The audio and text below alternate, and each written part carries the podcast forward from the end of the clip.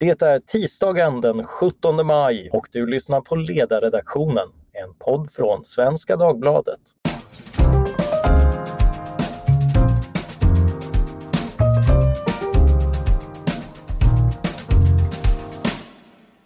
Jag heter Mattias Svensson och dagens ämne är Hur står det till med den svenska yttrandefriheten?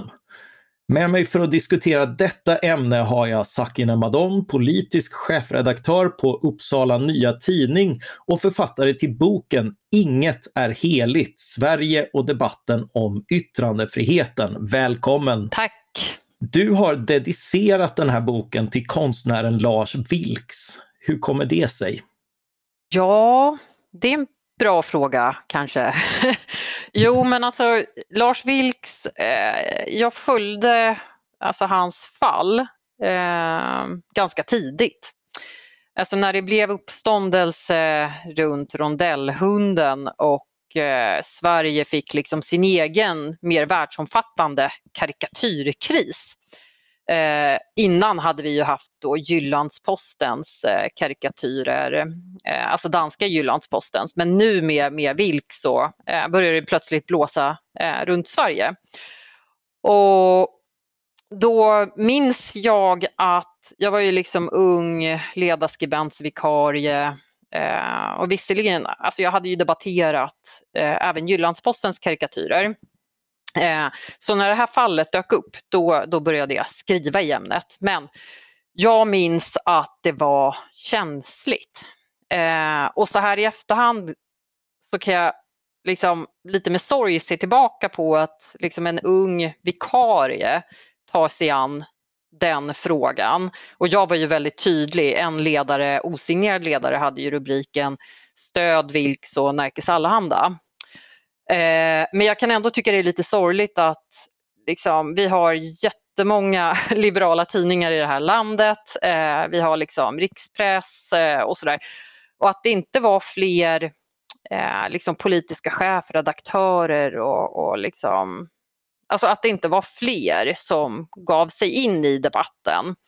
Eh, och det, det har ju varit ett liksom, frågetecken som jag brottas lite med i boken också. Liksom, I mm. landet där man var unikt tidig med en välgenomtänkt tryckfrihetsförordning redan på 1700-talet. Varför försvarar man inte bättre yttrandefriheten? Och det var ju alltså Lars Vilks ritade en eh, rondellhund föreställande Muhammed till en utställning om hunden i konsten där han till och med ombetts att vara lite provokativ, även om han förstod att man med provokativ menade att slå mot den dåtida amerikanska presidenten George Bush eller något annat lika förutsägbart. Och de publicerade sen i Närkes Allehanda, de här bilderna. Precis, i anslutning då till en ledartext, eh, vilket gjorde att eh, Al-Qaida gav sig in i det hela och man skulle liksom få en summa om man eh, mördade Vilks eh, och då en lite hälften av summan då för att, för att mörda eh, Nerikes Allahandas chefredaktör. Eh, och det här blev ju såklart stojigt och den svenska regeringen hade ju även eh, liksom under Göran Persson haft väldigt svårt att hantera Jyllandspostens eh, karikatyrer för Sverigedemokraternas eh, medlemstidning, SD-Kuriren, de utlyste ju en karikatyrtävling och han publicerade en karikatyr eh, innan då sidan släcktes ner. Och då var det ju liksom UD och eh, eh, Laila Freivalds som var liksom involverade i att det blev som det blev. UD tog kontakt med eh, webbhotellet som eh, som såg då senare till att eh, SD-Kurirens sajt släcktes ner. Och det här blev ju världens liksom, diskussion och Laila Freivalds som utrikesminister då, hon KU-anmäldes och hon avgick. Ehm, och sen då 2007 med Lars Vilks eh, rondellhund, då var det ju alliansregering då. Så att då var det ju Fredrik Reinfeldt som istället fick det här på sitt bord. Och det släcktes inga, inga webbsidor eh, och det var inte så att liksom Fredrik Reinfeldt eh, bad om ursäkt eh, liksom för vår yttrandefrihet eh, och så och det var ju väldigt bra.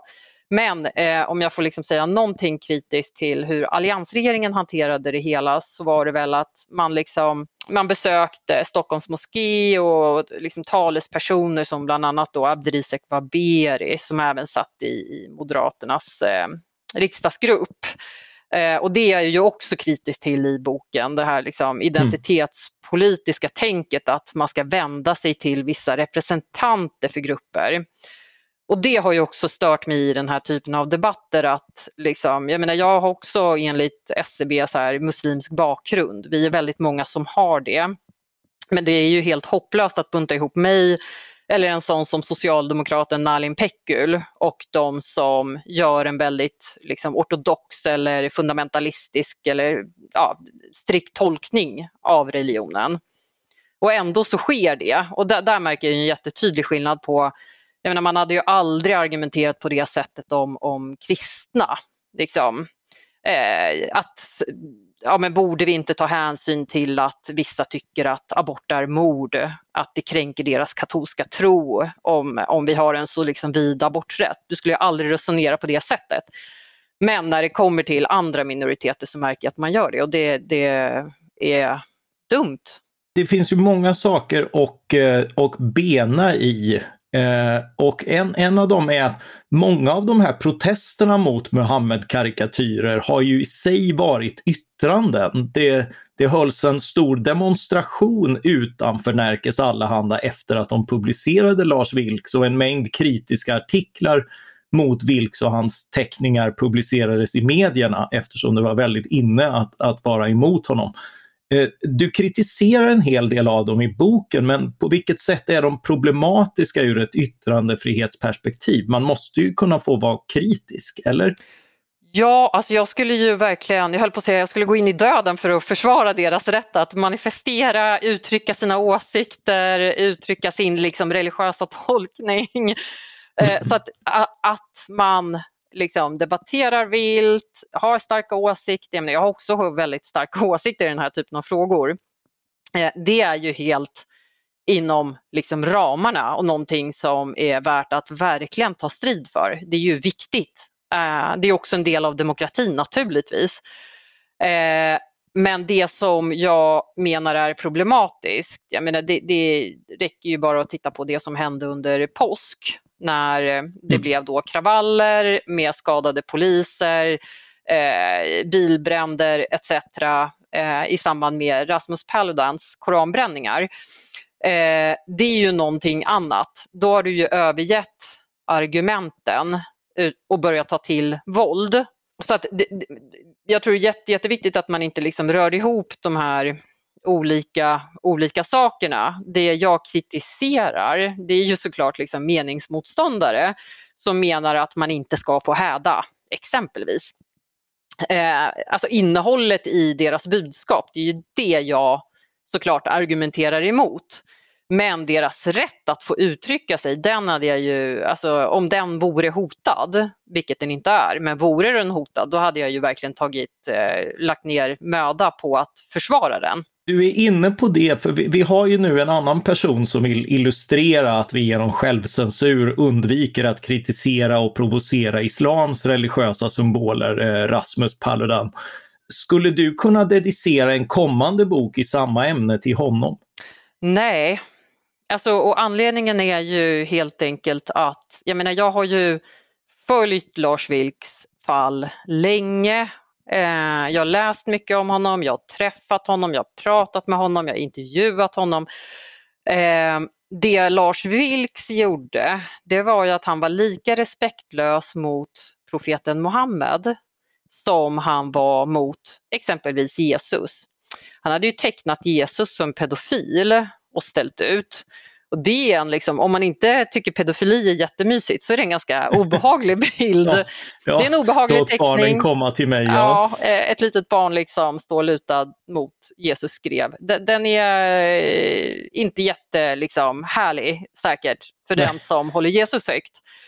Men eh, man, man måste ändå acceptera det i ett demokratiskt samhälle att eh, även religiösa eh, symboler eller böcker och profeter kan bli föremål för då eh, kan bli påhoppade på olika sätt eller ifrågasatta på olika sätt.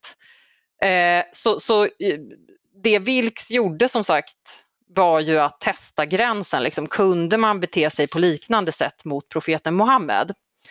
Och där visar det ju sig att liksom, ja, han fick ju livvaktsskydd. Eh, rent juridiskt var han ju liksom skyddad av vårt samhälle. Men det jag tyckte var så otroligt sorgligt, det var ju all kritik han fick. Även av liksom publicister och, och konstchefer som borde, som gärna talar om liksom konstens frihet och yttrandefriheten. Plötsligt var liksom stödet för Vilk som bortblåst. Han pressades in i ett rasistfack. Felaktigt menar jag. Medan då ja. Paludan har ju, är ju liksom en helt, en helt annan figur. På vilket sätt? Ja, alltså dels, dels eh, är han ju, han är ju inte inne på att man ska liksom lika behandla, eh, att man ska behandla liksom muslimer som man behandlar andra. Han vill ju liksom särskilja och ha udden mot en grupp. Eh, och han, han, har ju, han har ju börjat intervjuas i, i svenska medier. Jag, jag, måste medge att jag har inte varit insatt i, liksom, jag vet att han har eh, gått och stojat i, i danska förorter och är någon figur liksom som vill ha eh, Ja, det, det blir mycket uppståndelse kring honom men jag har haft ganska dålig koll på var han står politiskt. Men nu när han ändå intervjuas i Sverige så eh, framkommer det ju då att han vill ju verkligen eh, ha liksom, särskild politik riktad mot då muslimer. Och det är ju inte min, eh, det är ju inte min kopp för fem öre. Tvärtom argumenterar ju jag för liksom lika behandling.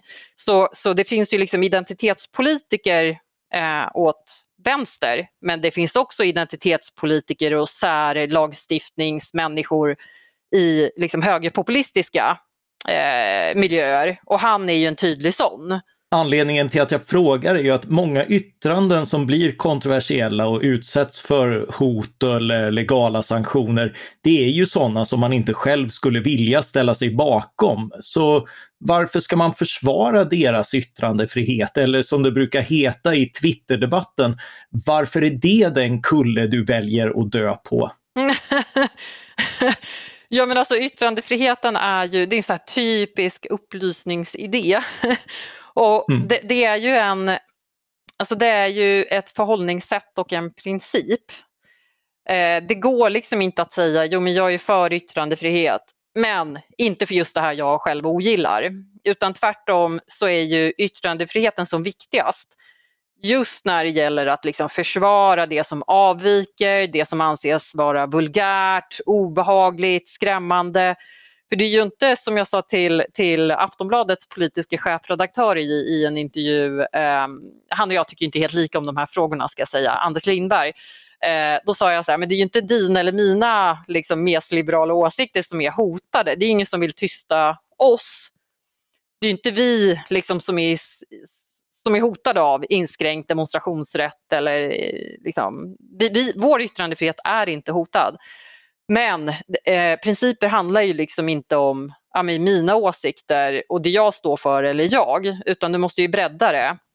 Eh, och sen, vilket jag försöker göra en poäng av i boken, så tittar man historiskt på den här frågan så är det fascinerande hur mycket liksom tidsandan påverkar det vi tycker är rätt och rimligt och vilka åsikter och vilka politiska yttranden och uttryck som ska vara tillåtna. Och det kommer nya tider så, så börjar man liksom förbjuda, nu har det varit väldigt populärt på senare år då, liksom, att förbjuda rasistiska och högerextrema organisationer då med Nordiska motståndsrörelsen i blickfånget. Och liksom, nu, det utreds liksom att förbjuda förintelseförnekande och det finns en rad. Liksom. Ja, men vissa politiker är också inne på att ja, men vi kanske ska, borde förbjuda koranbränningar, räkna in det som hets mot folkgrupp. Alltså Socialdemokraternas kvinnoförbund i Skåne har också argumenterat för att göra porr till hets mot kvinnor.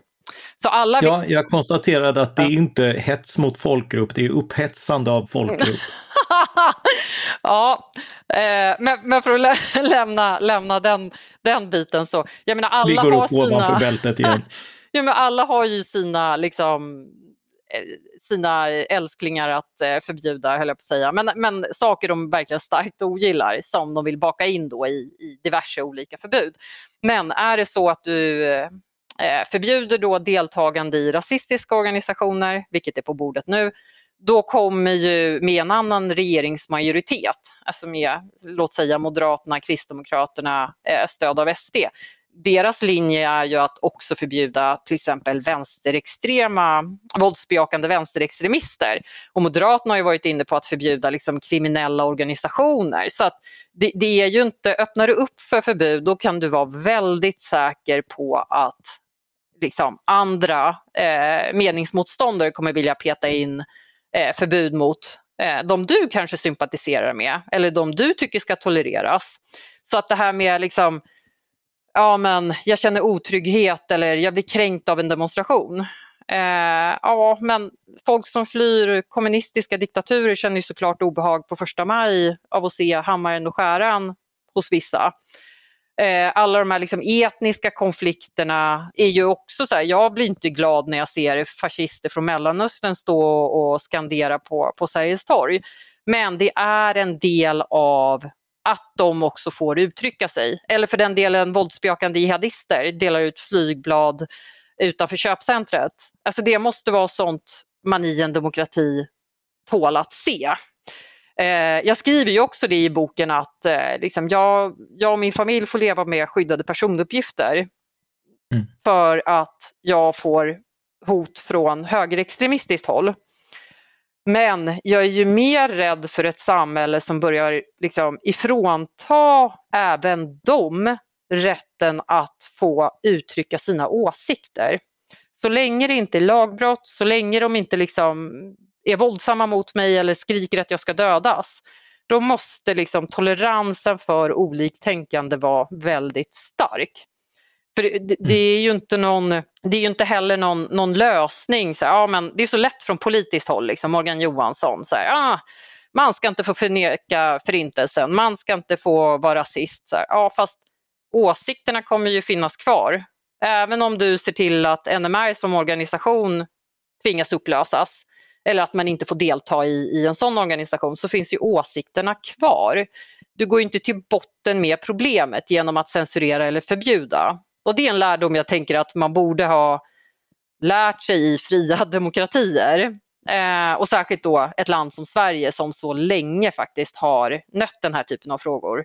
Om, om vi går in på det, för du illustrerar ju här att debatten om yttrandefrihet handlar ofta om, om vilken nytta den har och vad det är bra för att att, att det är inkluderande så att alla får, får yttra sig och att mycket som vi har hållit eh, för sant har motbevisats av folk som haft ganska perifera uppgift, eh, uppfattningar från början och så vidare.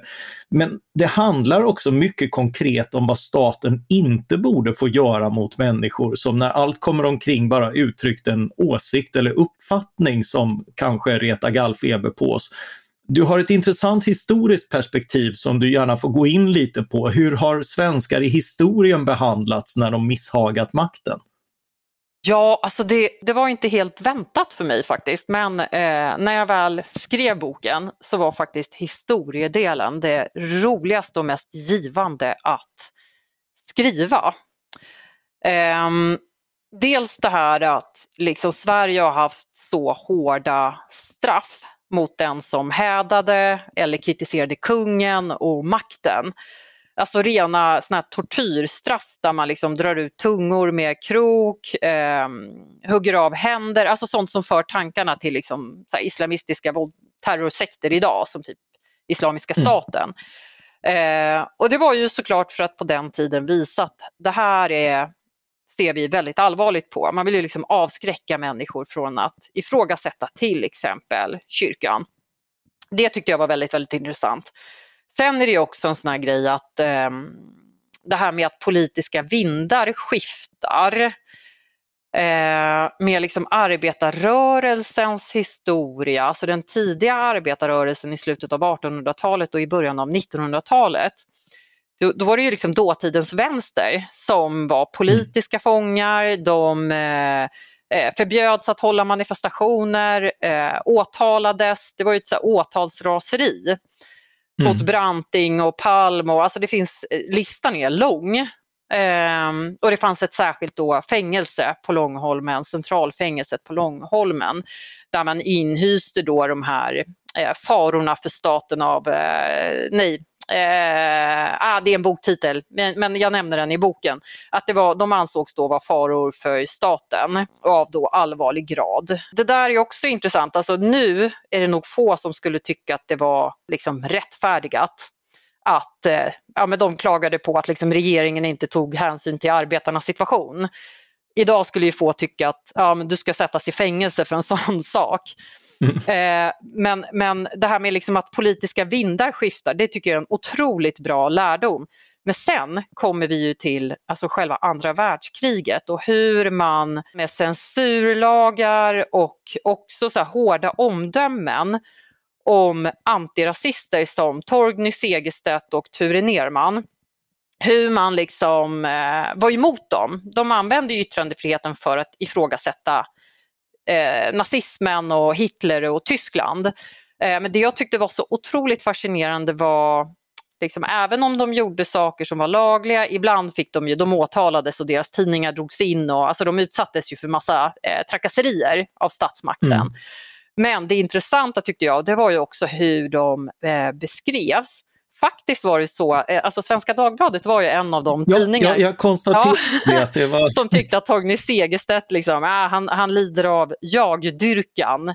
Alltså han, ja, han gjorde sig till. Eh, men jag skulle också säga det att min tidning, alltså Uppsala Nya Tidning som mm. i slutet av 1800-talet liksom bildades eh, för att driva kampen om lika rösträtt alltså under andra världskriget så var ju också UNT sådär väldigt eh, regeringslojal. Sverige hade ju en bred samlingsregering och Per Albin Hansson liksom som statsminister då, under den här perioden under andra världskriget. Och, och även UNT hade ju sådär att nej, men man, man borde ligga lite lågt. Man, man tyckte inte att Segerstedt liksom gjorde rätt och så. Men återigen så vände vindarna. Det, det var en stor tidningsaktion eh, där 17 eh, dagstidningar i Sverige och andra tidskrifter och så eh, hade en gemensam då artikel samordnad av VLT i eh, Västmanlands läns tidning, en gammal tidning jag har mm. varit på bland annat. Stolt. eh, där samordnar man då den här tidningsaktionen mot censuren och publicerade eh, då en artikel om övergreppen, nazistiska övergrepp i Norge. Det var återigen, det var, det var sann rapportering mm. man var emot eh, för att det var känsligt. Ja, det kunde reta det var inte, Det var inte överdrifter och rykten nej, man ville nej, nej. inskrida mot utan Precis. Och, och, staten skickade ut eh, såna grålappar med anvisningar för vad pressen borde ta upp eh, och vad man inte borde liksom ägna sig åt. Och det var ju eh, eh men det intressanta är, det är en väldigt viktig lärdom, att den som är eh, liksom lider då av jagdyrkan som det hette, gjorde sig till. Alltså de anklagelser man riktade mot Torgny Segerstedt, jag känner så väl igen det för vad man har sagt om Lars Vilks till exempel. Mm. Alltså att även om du då kanske har rätt att skriva vissa saker eh, så är det ändå fel. Det är fel att liksom gå, ja, vara illojal mot regeringen och i kris och krig borde man inte göra det här. Och det kan leda till det här och det här och det här. Eh, men sen i efterhand, alltså jag fattar ju att är man, alltså på den tiden också, det var ju, det var ju världskrig och, och det är klart att makthavare inte vill att Sverige dras in i ett krig.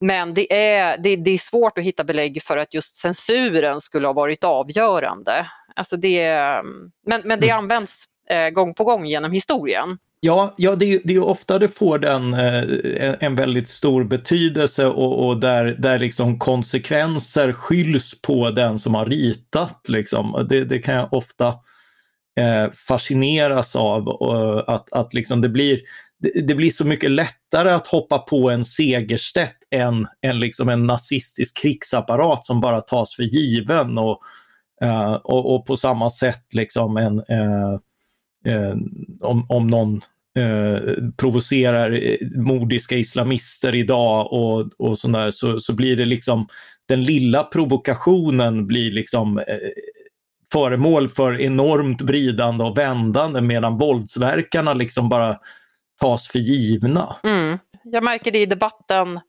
liksom hela tiden att så här, ja, men Paludan piskar upp och Paludan så här, ja fast det är inte han som har börjat slå människor eller liksom kasta stenar eller liksom, han bränner en bok. Det är ju värre att bränna en människa eller att slå en människa. Alltså våldet måste ju ja. ändå vara steget värre än att då sabotera en, ett eget exemplar av en religiös skrift. Jag, jag tänker på det apropå det här, du har tagit upp det exemplet med eh, den här mannen som väcktes en morgon och skrev något på Facebook om, om liksom, det låter som en åsna som har ont i magen därför att de hade en massa tidiga böneutrop som han väcktes av och sådär. Och så står det en arg mobb utanför hans port. Polisen kommer och de ingriper inte mot den arga mobben av potentiella våldsverkare utan mot han för vad han har skrivit på Facebook. Det är liksom väldigt, eh, alltså ju mer man tänker på det, ju mer Kafka mm. är det vem polisen valde att skydda i det läget. Ja, det där, det där fallet anmäldes ju för hets mot folkgrupp. Eh, och det mm. var ju då en man som tidigt en morgon, liksom, det var på en fotbollsplan eh, nära där han bodde då, i lägenheten. Eh, och så filmar han på avstånd, det är inte så att man ser liksom, några detaljer eller så, men och så den här liksom, klumpiga kommentaren på Facebook. Eh, och han tog ju bort den, men, men då, då hade den väl spridits så pass att, att den här mobben sökte upp honom. Eh, men det intressanta var ju alltså att han anmäldes för hets mot folkgrupp. Sen så blev han inte åtalad, ska sägas. Mm. Men en kritik jag har mot nuvarande lagstiftning är ju att just den typen av fall som jag menar inte har eh, att göra i rättsväsendet. Ungefär som när någon har varit på, på en maskerad och har en liksom Hitleruniform. Alltså man måste, man måste se till kontext och, och vad Alltså det, det, måste ändå finnas ett utrymme för att göra klumpiga, konstiga, idiotiska grejer. Mm. Eh, eller ja, uttalanden. Eh, och det var ganska intressant det där fallet att det ändå, eh, alltså min ingång ja, det gick ju... väl upp i, i rätten även om han inte dömdes? Jag kommer inte riktigt ihåg hur det var med det fallet, men min poäng är att den typen av liksom där det uppenbarligen inte har funnits ett eh, uppsåt att börja liksom veva igång något slags upplopp mot, mot minoritetsgrupper och sådär. Där ska inte rättsväsendet lägga energin. Jag hade ju också ett fall om det här som jag nämner i boken. Då. I vintras var det en man som anmälde en pizzeria eh, för att den hade en pizza som hette Jesus Christ. jag kan inte låta bli att skratta varje gång jag tänker Nej. på det. Eh, men liksom, det fallet ledde ju inte till åtal.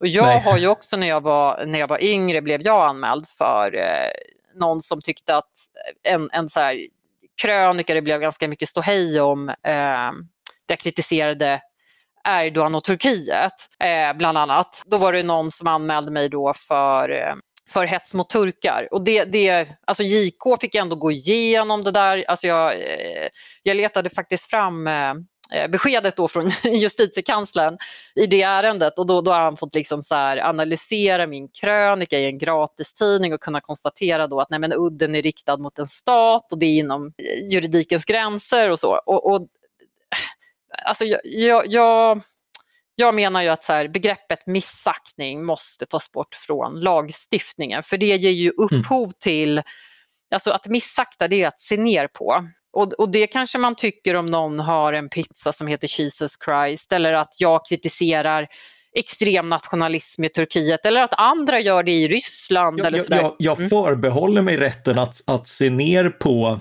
eh, diktaturer och auktoritära politiker och till och med pompösa politiker som har röstats fram. Ja, och då blir det ju, det blir ju hopplöst om man ska börja diskutera så här, men är det att se ner på ryssar eller är det, eh, alltså, så att det är inte där rättsväsendet ska vara starkt. Nej, utan nej. det är ju när i de här fallen där man går över gränsen, bland annat då mm. när dåvarande Turkiska riksförbundets vice ordförande stod på Sveriges torg och skrek att Armenien ska dö. eh, inför en uppretad folksamling dessutom som i kör då sjöng eller stämde in i eh, med så här, Ölym död när han sa det från talarstolen. Då. Eh, det är ju ett tydligt fall av så här, hets i den meningen liksom att liksom uppvigling. Där någonstans menar jag att gränsen bör gå, att rättsväsendet bör titta på de fallen. Det finns ju andra fall där demonstrationer har, har urartat i antisemitism och så. Eh, men inte ja. det här liksom plojiga att anmäla minsta lilla liksom religionskritik eller vad det nu kan vara. Vilka, vilka legitima gränser ser du för yttrandefriheten eftersom du har skrivit en bok till dess försvar? Eh, alltså, ska nazister ha rätt att demonstrera och hur ser du på att de hotar andra och, och ska, ska förväntade motreaktioner kunna vägas in som kring Rasmus Paludan eller, eller när nationalister velat hylla Karl XII den 30 november med kransnedläggningar och, och det är en massa vänsterautonoma som, som eh, sätter stan i brand. Ska man kunna, eller ska man kunna sätta upp skylten “Inga zigenare” utanför sin campingplats för att ta några exempel? Alltså det sista är ju ett jättesvårt, eh, jag skulle säga att det är, det är, liksom, det, det, är ren rasism. Alltså, jag hade väl hoppats att det blev en extremt bojkottad och, och ifrågasatt camping. Mm. Den är ganska svår. Det som jag tycker är mycket lättare eh, att ta ställning liksom för det är ju att alltså vi hamnar i ett jätte, jätteproblem om våldsverkare tillåts sätta gränserna för vem som får demonstrera eller inte. Det är det man var rädd för efter påsk, åtminstone jag. Mm. Eh, så det, det, är ett steg fram ändå, att, eh, som i den gångna helgen och, och, under förra veckan, att Paludan ändå fick fortsätta sina manifestationer, om än inte på exakt liksom hans förstahandsval att vara på. Som i, i, i Uppsala och andra städer då, att han, ja, eh, polisen sa väl nej till eh, bland annat då Gottsunda i, eh, där jag växte upp i, i några år under tonåren och så. Eh, eh, så att mitt ideal är ju att även, alltså han ska kunna bränna Koranen även i Gottsunda. Även i de här utanförskapsområdena där det var upplopp tidigare eller där det liksom finns starka eh, mobiliseringskrafter som kan ställa till med elände. Eh, målet måste ju vara att det, det ska kunna gå att liksom utföra lagliga manifestationer överallt i Sverige. Men sen är ju såklart liksom säkerhetsaspekten en realitet för polisen. Jag menar, jag kan ju ha jättefina idéer och ideal men eh, det är ju ändå polisen som måste hantera den här typen av situationer. Och där måste ju såklart eh, polisen som myndighet kunna göra den typen av bedömningar. Eh, men när man kan bedöma då att man, liksom, läget är tillräckligt, man bedömer att det är tillräckligt säkert och okej, man, har liksom, man kan mobilisera eh, poliser för en helg eller en situation och så, då måste grönt ljus ges. Det jag däremot är, är livrädd för det är alla de här kraven som faktiskt har kommit från politiskt håll gång på gång. Att polisen skulle ta liksom politiska hänsyn till vem man ger demonstrationstillstånd. Och det där är ju jättefarligt. Då är man ju inne på någonting som jag undrar om man ens har grubblat över liksom slutet på. Så att, så här, ja, polisen måste ta hänsyn till säkerhet men polisen ska inte liksom börja leka politiska smakdomare. Det är jätteproblematiskt. Och återigen, så här, ja nu har vi Paludan, många mår dåligt av att se liksom, nazister demonstrera. Men om 20 år kan det vara någonting annat. Det är en fråga om principer och då måste man ju ändå, alltså det, det går inte att säga liksom jo men jag är för demonstrationsrätten eller jag är för yttrandefrihet och sen välja liksom russinen i kakan. Det funkar inte så. Du hamnar bara på det här, det, det är så tjatat begrepp men det sluttande planet. Det är inte, där, det, det, är inte med dina önskemål önskelistan tar slut. Jag är ledsen men det är inte så. Nästa gång är det dina vänner som kommer hindras på det sättet. Om, om vi går till eh, ett annat avsnitt som har rätt stor eh, bäring i din bok. Ett kapitel heter Det identitetspolitiska giftet. Vad är identitetspolitik? Du har ju varit lite grann inne på det och på vilket sätt hotar den yttrandefriheten? Ja, Alltså identitetspolitik, eh, det, det, det, är ett så hopplöst begrepp på det sättet. Det liknar ju alla de här, så här postkolonialt och poststrukturalistiskt och postmodern. Alltså det finns ju en massa olika begrepp eh, mm. som inte har en enhetlig definition. Så jag ger mig ju egentligen inte in på liksom, att ja, uppfinna, uppfinna någon så fantastisk definition av begreppet identitetspolitik. Men jag försöker förklara vad det är liksom, vi kritiker kritiserar. Eh, och identitetspolitik, liksom en, en, väldigt övergripande beskrivning är ju ändå eh, när man gör politik av identitet. Alltså när man kopplar ihop identitet och politik. Och då sådana här kollektiva identiteter som har att göra med, det kan vara kön, det kan vara sexuell läggning, religiös eller etnisk bakgrund eller det, jag gillar ju inte att ta ordet i min mun, men det som kallas för ras. Jag menar ju att det är just identitetspolitiken, att vi kollektiviserar oss i så här förtryckare, förtryckta, eh, över och underordnade grupper, stora kollektiv som antas dela åsikter sinsemellan eller dela uppfattning om vad man ska få göra mot ens religion eller inte. Eller för den delen liksom, som om alla hbtq-personer skulle ha samma åsikter. Det har ju funnits såna vänstermänniskor eh, som har ifrågasatt liksom, borgerliga hbtq-personer under Pride. Eh, och det är också lite liknande att så här, ja, men, har du en viss identitet då måste du per automatik ha vissa åsikter jag mötte ju det här mer när jag var yngre faktiskt, när jag, när jag kom till så olika paneler och sådär och, och, kom från Liberala ungdomsförbundet. Alla trodde ju att jag var från Ung Vänster eller SSU, möjligtvis liksom Grön Ungdom. Eh, och det, det, var alltid så roligt när, för Ung Vänstrarna hade ju någon sån här grej att de inte skulle ta politiska motståndare i hand. Ofta hade de ju hunnit hälsa på mig. och då, då tyckte jag det där var jätte, jätteroligt. Eh, de, de, de, jätteilskna. Men, men det utgick ju också från att ah, här kommer någon, någon eh, invandrartjej. Eh, det, jag vet inte ens om de hade någon aning om var jag bodde eller sådär. Men liksom, här, här kommer hon och eh, måste vara vänster. Så det är ju, det är ju liksom själva liksom grundtanken bakom identitetspolitiken. Men där jag menar att det blir problem, det är ju inte att så här, ja, men nu ska vi kämpa för hbtq-personer eller nu ska vi uppmärksamma vad svenska staten har gjort mot romer, tornedalingar och så vidare. Eh, samer för den delen. Eh, det, det, är ju inte det jag ifrågasätter. Eh, det här att man ska liksom uppmärksamma eh, förtrycket mot kvinnor, förtrycket mot eh, eh, afroamerikaner. Alltså det, det, är jag helt med på. Det är en jätteviktig grej och där, eh, alltså det, det, är en kamp jag köper till 110 procent.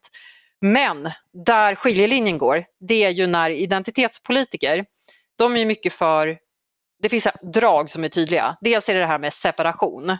Vem ska få vara med i kampen?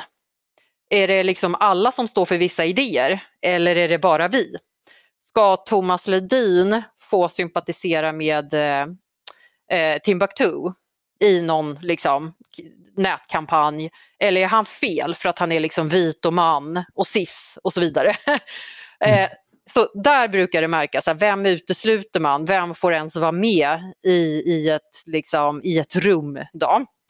Och sen då är det andra eh, tydliga draget, identitetspolitiska draget, det är ju att man vill särbehandla med exempelvis kvotering. Det är ju den vanligaste liksom, identitetspolitiska praktiken.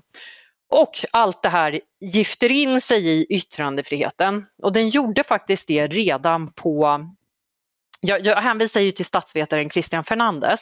Och, och, han beskriver hur de här identitetspolitiska debatterna redan i början på 90-talet på amerikanska universitet dök upp. Där man ville liksom få bort vissa kurser, ersätta begrepp till förmån då som man hävdade för liksom förtryckta minoriteter och minoritetsgrupper. Eh, och kritikerna redan på den tiden då varnade för liksom att man inte skulle kunna förstå historien korrekt och, och man varnade för censur. Så det, redan för flera sekel sedan så började ju den här typen av liksom, dragkamp på amerikanska universitet och i universitetsmiljöer. Eh, så det finns ju en tydlig idé om eh, liksom att censur är nödvändig. Det är ju, eh, jag har ju väldigt många sådana här exempel i boken. Eh, där man har liksom, ja men det har uppstått olika strider på svenska universitet på senare år. Och, och därmed inte sagt att liksom det här är något problem som finns överallt eller så, men de identitetspolitiska tankegångarna är ändå, eh, liksom märks av på olika sätt eh, och på flera eh, svenska universitet. Och det, och det, är ju också en, så här, ett mål jag har ändå att ge lite, eh, lite eh, motargument mot den mm. linjen. För jag tror ju inte på särbehandling, censur. Det finns ju faktiskt ett politiskt fenomen nu, eh, partiet Nyans. Allt annat än nyanserade. men eh, men ja, väldigt roligt, det är som den här vetenskapsskolan som har haft massa problem i, i eh, Göteborgstrakten. Men, men eh, nu ska jag inte raljera över namnet, utan partiet Nyans och... och, eh, och, och, inte dra paralleller till Tyska Demokratiska Republiken. Nej, nej precis, precis. men eh, Mikael Yüksel då, som leder det partiet, eh, han... Eh, eh, liksom, det, det, är ju väldigt mycket liksom, bränna ner Lars Vilks Nimis, förbjuda Mohammed-karikatyrer, förbjuda koranbränningar eh, och också ha så här, särrättigheter eh, liksom betona gruppen muslimer eller gruppen med utländsk bakgrund. Eh, så han är ju verkligen, alltså det, det är ganska intressant när det så dyker upp sådana motpoler. Eh, och då, då, kan det bli lite lättare för mig att förklara så här. Eh, jag tycker typ som honom fast helt tvärtom. ja, det är ju så, när grundläggande fri och rättigheter diskuteras så är en uppfattning att det här är så fina principer att de måste gälla något stort och viktigt. Och, och sen bråkar vi om en teckning, om radion ska spela gangsterrap eller en konflikt på någon universitetsinstitution. Är det verkligen sånt som våra fina principer ska skydda? Ja, och då är ju frågan som jag ändå tycker är mer intressant. Ehm, det är ju varför blir människor så extremt provocerade av att en religiös skrift bränns upp? Varför är det värt att slänga stenar mot oskyldiga eh, liksom för, för den saken? Det är ju inte själva liksom handlingen i sig, den är futtig, men den belyser ju något bredare. Reaktionerna belyser ju någonting större. Eh, och, och det här var ju väldigt mycket mot Lars Vilks också. Så här, ah, hans teckning är så löjlig, det är bara någon så här kladd, tuschkladd. Liksom. Ja, fast det handlar ju inte om konstens verkshöjd i det fallet. Han, han, kan, han kunde liksom måla väldigt vackert men det var inte det som var poängen. Poängen var ju varför kan man inte göra den här utan att det då uppstår en världsomfattande konflikt och Sverige hamnar liksom i, i ett hav av eh, liksom diplomatisk kris och allt vad det är. Varför, eh, varför är människor liksom beredda att göra så mycket för en så liten sak, för en liten skidtäckning? Man hade också kunnat rycka på axlarna. Och med, med fallet med Paludan, alltså ett smart sätt istället för som vissa journalister och andra liksom dra igång upprop om att, för att få eh, förbjuda koranbränning. Så hade man varit lite smart, då hade man bara, ja men för varje koran Paludan bränner så trycker jag upp tio nya. Mm. Alltså det finns, det finns så många andra sätt att hantera det på och istället rusa folk efter, liksom, ah, vi måste förbjuda, eh, vi måste hindra, så har man väl gjort när nazister har tillåtits demonstrera, att man förbundit sig att donera eh, till olika välgörande saker för varje steg de tar. Det är skitbra. Det kanske är därför de inte är ute lika ofta nu. En avslutande fråga, eh, men, men det är ju en viktig reflektion det här att yttrandefriheten erbjuder ju enorma möjligheter att, eh, att kontra yttranden man inte håller med om. Eh, titeln på din bok, eh, Inget är heligt, har ju väckt en del kritik från eh, troende, från religiöst håll. De menar att något så viktigt, något viktigt skulle gå förlorat i världen om vi inte kunde helighålla saker. Hur ser du på den invändningen? Ja men alltså titeln syftar ju till att liksom ingenting är, inget är heligt i den meningen att inget får ifrågasättas eller eh, liksom skämtas om eh, eller kritiseras. Det är ju den meningen jag menar att inget är heligt. Eh, för börjar man, börjar man plocka ut saker som, ja men det här är heligt för mig, det får du inte ifrågasätta. Mohammed är helig för mig, du får inte teckna honom och så vidare. Jag menar, då hamnar man ju någon, någon annanstans. Men det är väl klart att det finns, det finns saker liksom som är heliga för oss alla och som, som gör oss ledsna eh, om någon ifrågasätter. Men, men det går inte att säga, liksom, och helig, det, det, det anknyter ju liksom till eh, rätten att häda. Det går inte att säga att jo, men min tro är så pass helig för mig att då får inte andra ifrågasätta den. Eller hata den för den delen. Och där, det, det där köper ju inte jag. Eh, då blir det ju de här liksom subjektiva, väldigt svåra eh, bedömningarna och vi har, vi har liksom lämnat hädelselagar och det vore väldigt tråkigt om man skulle införa dem igen. Eh, mm. Mm, eh, därmed så har vi en, det är ju ett ämne man, man kan prata om i all, eh, i, i all evighet apropå heliga begrepp. Eh, men eh, den evigheten ska vi kanske inte unna oss, men jag kan definitivt rekommendera boken Inget är heligt. Tack så mycket Sakine Madon, författare till denna bok och politisk chefredaktör på Uppsala Nya Tidning. Tack själv. Tack också till alla er som har lyssnat. Blev du heligt förbannad på något som sagts eller önskar att vi utnyttjar vår vida yttrandefrihet till att ta upp något annat? Maila till ledarsidan svd.se ledarsidan svd.se. Jag vill också passa på att tipsa om våra grannpoddar här på Svenska Dagbladet. Dagens Story avhandlar varje dag ett aktuellt ämne på 15 minuter. Politiken, som vanligen kommer på onsdagar, är frispråkiga kring högt och lågt inom politiken och tar den tid i anspråk som detta kräver.